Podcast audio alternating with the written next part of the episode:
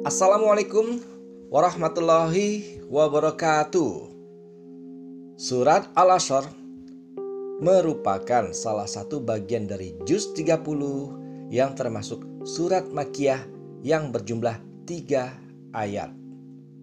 Surat ini tergolong jenis surat pendek yang ada di dalam Al-Quran.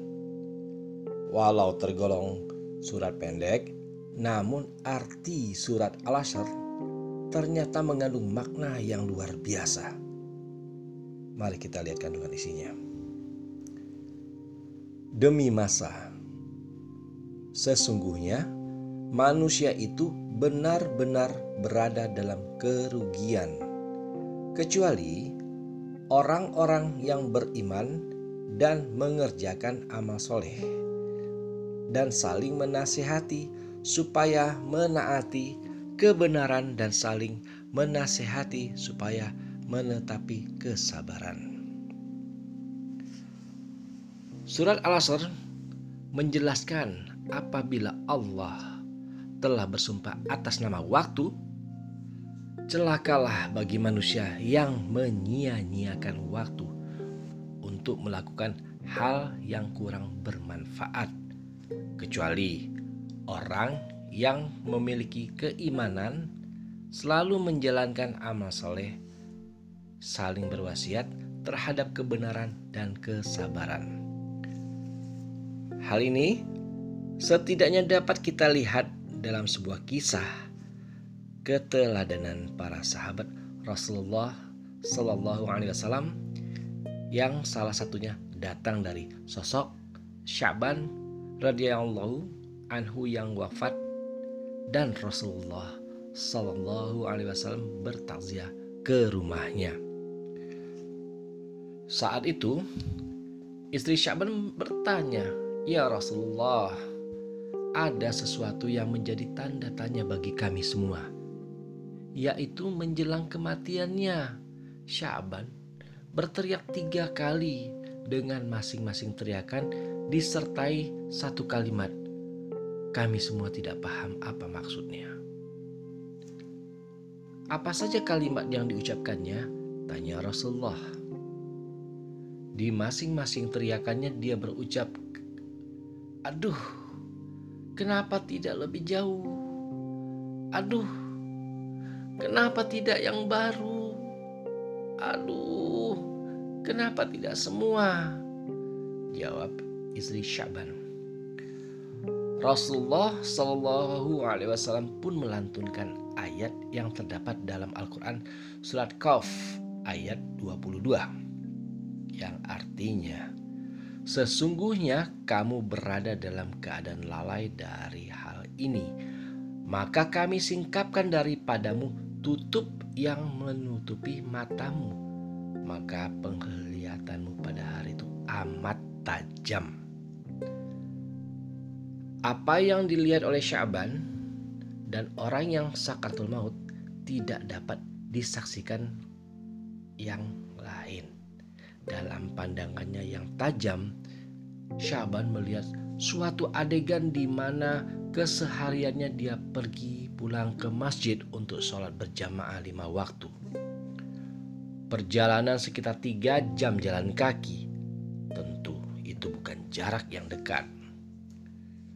Dalam tayangan itu, Syaban diperlihatkan pahala yang diperolehnya dari langkah-langkahnya ke masjid, ujar Rasulullah. Dia melihat seperti apa bentuk surga yang dijanjikan sebagai ganjarannya. Saat dia melihat, dia berucap, "Aduh, mengapa tidak lebih jauh?"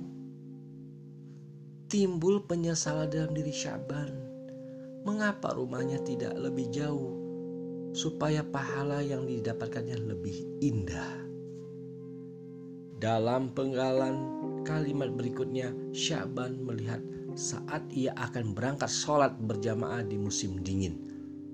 Saat ia membuka pintu, berhembuslah angin dingin yang menusuk tulang. Ia masuk ke dalam rumahnya dan mengambil satu baju lagi untuk dipakainya. Syaban memakai dua baju. Syaban memakai pakaian yang bagus di dalam dan yang jelek di luar. Syaban berpikir, jika kena debu, tentu yang kena hanyalah baju yang luar. Dan ketika sampai di masjid, ia dapat membuka baju luar dengan sholat dengan baju yang lebih bagus.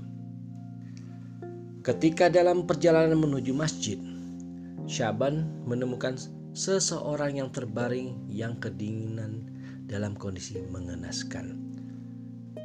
Syaban merasa iba dan segera membuka baju yang luar lalu dipakaikannya kepada orang tersebut. Kemudian ia memapanya ke masjid agar dapat melakukan sholat subuh bersama-sama. Orang itu pun selamat dari mati kedinginan dan bahkan sempat melakukan sholat jamaah. Syaban pun kemudian melihat indahnya surga sebagai balasan memakaikan baju bututnya kepada orang tersebut. Kemudian ia berteriak lagi, "Aduh, kenapa tidak yang baru?" Timbul lagi penyesalan di benak Syaban. Jika dengan baju butut saja dapat mengantarkannya mendapatkan pahala besar, sudah tentu ia akan mendapatkan surga yang lebih indah jika ia memberikan pakaian yang baru. Berikutnya, Syaban melihat suatu adegan saat ia hendak sarapan dengan roti yang dimakan dengan cara mencelupkan dulu ke dalam segelas susu. Roti ukuran orang Arab sekitar tiga kali roti ukuran orang Indonesia.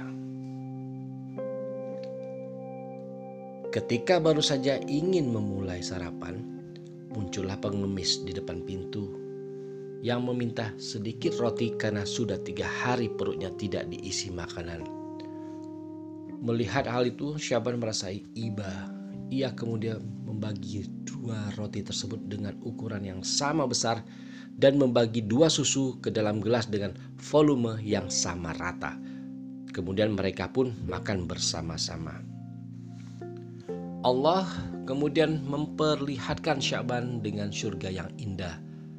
Ketika melihat itu, Syaban berteriak lagi, "Aduh, kenapa tidak semua?" Syaban kembali menyesal. Seandainya ia memberikan semua roti itu kepada pengemis tersebut, maka pasti ia akan mendapat surga yang lebih indah. Masya Allah. Syaban bukan menyesali perbuatannya, melainkan amalan kebaikan yang baginya belum cukup optimal. Bagaimana dengan diri kita? Semoga bermanfaat. Wabillahi taufiq wal hidayah. Wassalamualaikum warahmatullahi wabarakatuh.